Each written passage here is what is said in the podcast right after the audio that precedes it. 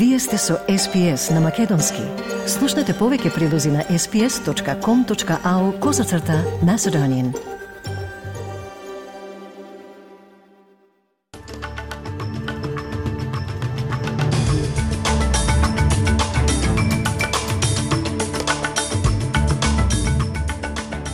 Во денешниот билтен, третата група израелски заложници и палестински затвореници ослободени.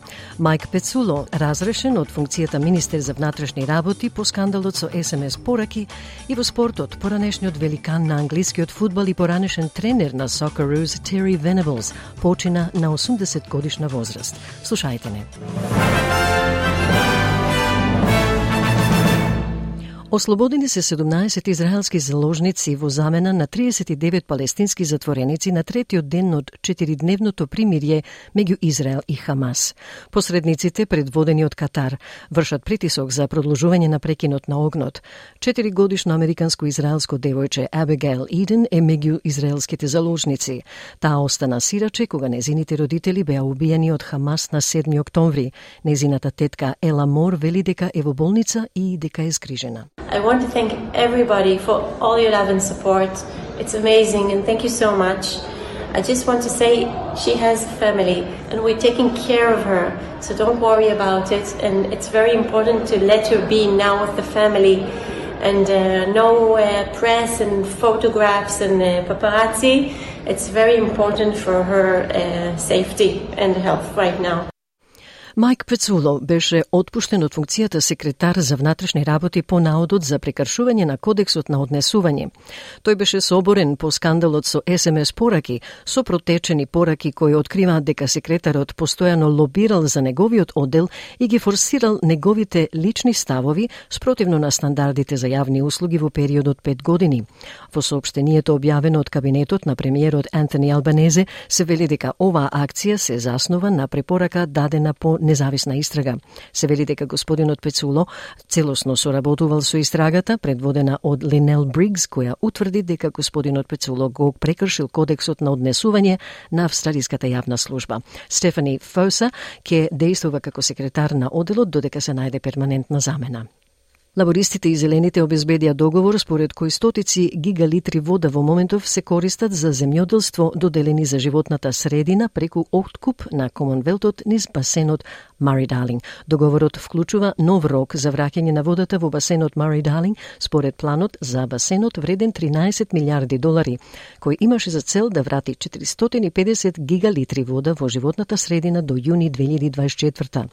Рокот сега е одложен до крајот на 2027 година. Министерката за животна средина Тања Плиберсек ги објави клучните амандмани во замена за поддршката на зелените, кои вклучуваат подобрување на транспарентноста околу испораката на вода вода и обезбедување на луѓето од првите нации да играат посилна улога во донесувањето одлуки. Госпојата Плиберсек вели дека амандманите го подобруваат законот и овозможуваат напредок во критично време. We know that as we go into another hot dry spell, it is more critical than ever that we deliver fully on the Murray-Darling Basin plan. I'm very pleased to say today that Labor has been negotiating with the Greens Party and that we have agreed to a number of significant amendments to the Restoring Our Rivers Bill. Министерот за енергија и клима Крис Боуен ги повика зелените да не го оспоруваат кодексот на федералната влада за индустријата за плин во Сенатот. Зелените се подготвени да го оневозможат задолжителниот код на лабористите за индустријата на плин, велики дека поддржува нови проекти за гасни полиња. Министерот вели дека таквиот потег може да придонесе за недостиг на газ и да ја загрози енергетската безбедност на источниот брег на земјата. Федералната влада инвестира дополнителни 225 милиони долари за безбедносните агенции, Австралиската федерална полиција, AFP, и австралиските гранични сили, Australian Border Force, за да го надгледуваат ослободувањето на затворениците кои предходно биле во неопределен притвор. Уште 45 лица се ослободени од притвор на неопределено време по одлуката на Високиот суд донесена во ноември, со што вкупниот број на ослободени се искачи на 138. Ноемвриската одлука бара ослободените да подлежат на задолжителен полициски час и да носат електронски уреди за следење на неодредено време. Се воведуваат и нови закони кои ќе го криминализираат секое прекршување на овие услови, вклучително и приближување до училиштата или дневните центри за детска грижа. Австралиските гранични сили обвинија дека четири лица ги прекршиле условите за виза. Правниците за човекови права ги осудија строгите визни услови. Министерката за внатрешни работи работи Клер О'Нил вели дека распоредувањето на финансиите гарантира дека персоналот на австралиските гранични сили и полицијата се соодветно опремени да одговорат доколку има какви било прекршувања на овие визни услови. So just so you've got clarity about the resourcing, this is a 255 million dollar two-year package of which 150 million dollars will go to Australian Border Force. Портпаролот на либералите за имиграција и државјанство Дан Тиен вели дека се уште постои неизвестност околу тоа колку од поранешните затвореници се следени. So 255 million uh, doesn't clear up that uncertainty. What we need to hear from the government is how many of those 140 are being monitored, how many of them are wearing ankle bracelets. The community deserves to know these are hardened criminals, these include child sex offenders, and we are getting no information from the government. Последното истражување на News Poll објавено во весникот The Australian, покажува дека поддршката за федералната влада опаднала, оставајќи ги лабористите и коалицијата врзани во однос на двупартиска предпочитана основа. Коалицијата води со 38 одсто во споредба со 31 одсто за лабористите. Лабористичката партија на премиерот Антони Албанизе победи на изборите во 2022 година со 32,6 одсто врз основа на примарен глас. Поддршката за лабористите на примарното гласање падна за 4 процентни поени во однос на предходната Newspol анкета, објавена пред три недели, додека поддршката за коалицијата се зголеми за 1 поен. Сенаторката од Тасманија, Джеки Ламби, за Nine Network изјави дека верува оти премиерот треба да стане реалист и да се фокусира на прашања кои се важни, како што се трошоците за живот. You know, this week we're going to run the Senate, and if we can't get everything through, they're going mm. to bring, talk about cost of living, they're going to bring the House back for a day next week. You can imagine that's hundreds of thousands of dollars in taxpayers' money and throw that fair in their face. So I suggest you you get your house in order. He's had all year to get important legislation through and he's trying to push it through in the last two weeks of the Senate sitting, which I find is absolutely shameful in itself. Анкетата исто така покажа зголемување за 1 поен за зелените на 13%, зголемување за 2 поени во поддршката за помалите партии и категоријата независни на 12%, додека партијата One Nation остана стабилна на 6%. Повеќе од 100 демонстранти за климата ќе се појават пред судот, вклучително и 97 годишен свештеник и пет деца по блокадата на пристаништето во Ньюкасл на викендот. Групите почна наизменично да веслаат во бродската лента, што го обслужува најголемото пристаниште за јаглен во светот во саботата наутро во акција планирана да трае 30 часа. Но како што помина 16 часот во неделата, означувајќи го крајот на полициската дозвола за протестот, голем број останаа во вода, очекувајќи хапсење.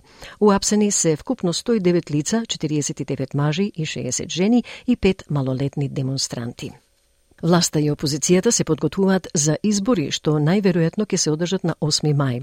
За идната недела се најавува средба во Македонското собрание која треба да резултира со конечен договор за изборите и за измени во изборниот законик во согласност со препораките на ОПСЕ. Се поизвесна е и лидерска средба за изборите на почетокот на декември, но партиите не се откажуваат од своите ставови. ВМРО ДПМН не сака преодна, така наречена пржинска влада, што треба да ги организира и спроведе проведе изборите, односно не сака дуи да го добие преодното премиерско место. Најголемата опозициона партија вчера повторно ја повика СДСМ да оди на изборите без техничка влада. Во пресред на изборите, лидерот на ВМРО ДПМН Христијан Мицковски вчера на настан најави дека економијата ќе биде главна цел на партијата. Тој најави една милиарда евра или околу 250 милиони евра годишно од централниот буџет да бидат предвидени за капитални инвестиции во општините. Регистарот за исламофобија на Австралија забележа 13-кратно зголемување на стапките на известување од избувнувањето на војната меѓу Израел и Хамас. Регистарот во просек има повеќе од 30 пријави неделно, меѓутоа извршниот директор Шарара Атај вели дека слушнале за низа инциденти кои не се пријавени. 227 инциденти доминатиот петок вклучуваат малтретирање на верниците во џами, плукање врз муслиманки и голем број случаи на вербална злоупотреба. Неодамнешен случај вклучува христијански ученик во основно училиште во Западен Сиднеј, кој беше наречен терорист затоа што е палестинец.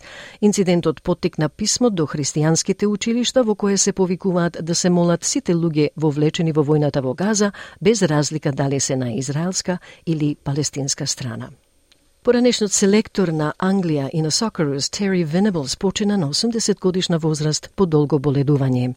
Поранешниот играч на Англија беше тренер на националниот тим до полуфиналото на Европското првенство во 1994 година, пред да стане селектор на Австралија, каде што играше кон крајот на кариерата за Canterbury Marrickville Olympic. Постоеа надежи дека Венеблс, кој имаше успешни периоди во Барселона и неговиот поранешен клуб Тоттенхам во 1980-тите, дека тој ќе може да стави крај на 24 годишното чекање на Socceroos да се појават во финале на светското првенство, до кое се доближи во 1998 година. Англиската фудбалска асоциација и Tottenham Hotspurs се меѓу оние кои му даваат почит на Venables, а Гарет Саутгейт, актуелниот тренер на машкиот тим на Англија, го опишува Venables како тактички одличен и способен да управува со сите од најмладиот играч до најголемата звезда. Запаметен по неговата шармантна и симпатична природа, еве го на снимка во 1994 година на теренот на стадионот Уембли како селектор на Англија. It's not the actual job doing of it. It's the it's the the results, and we'll only find out the results. And if you don't get if we don't get the results, I would that, that's making a hash of it.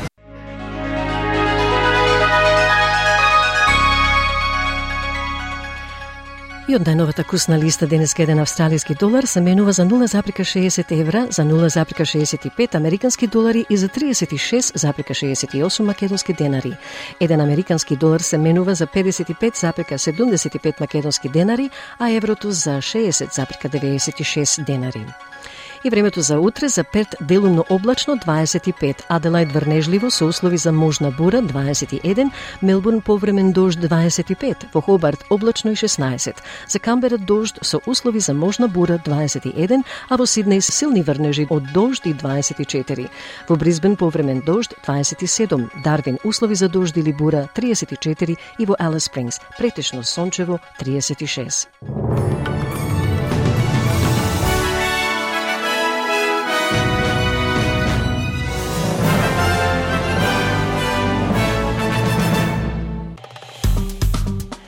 Стиснете, ми се допаѓа, споделете, коментирајте. Следете ја SPS на Македонски на Facebook.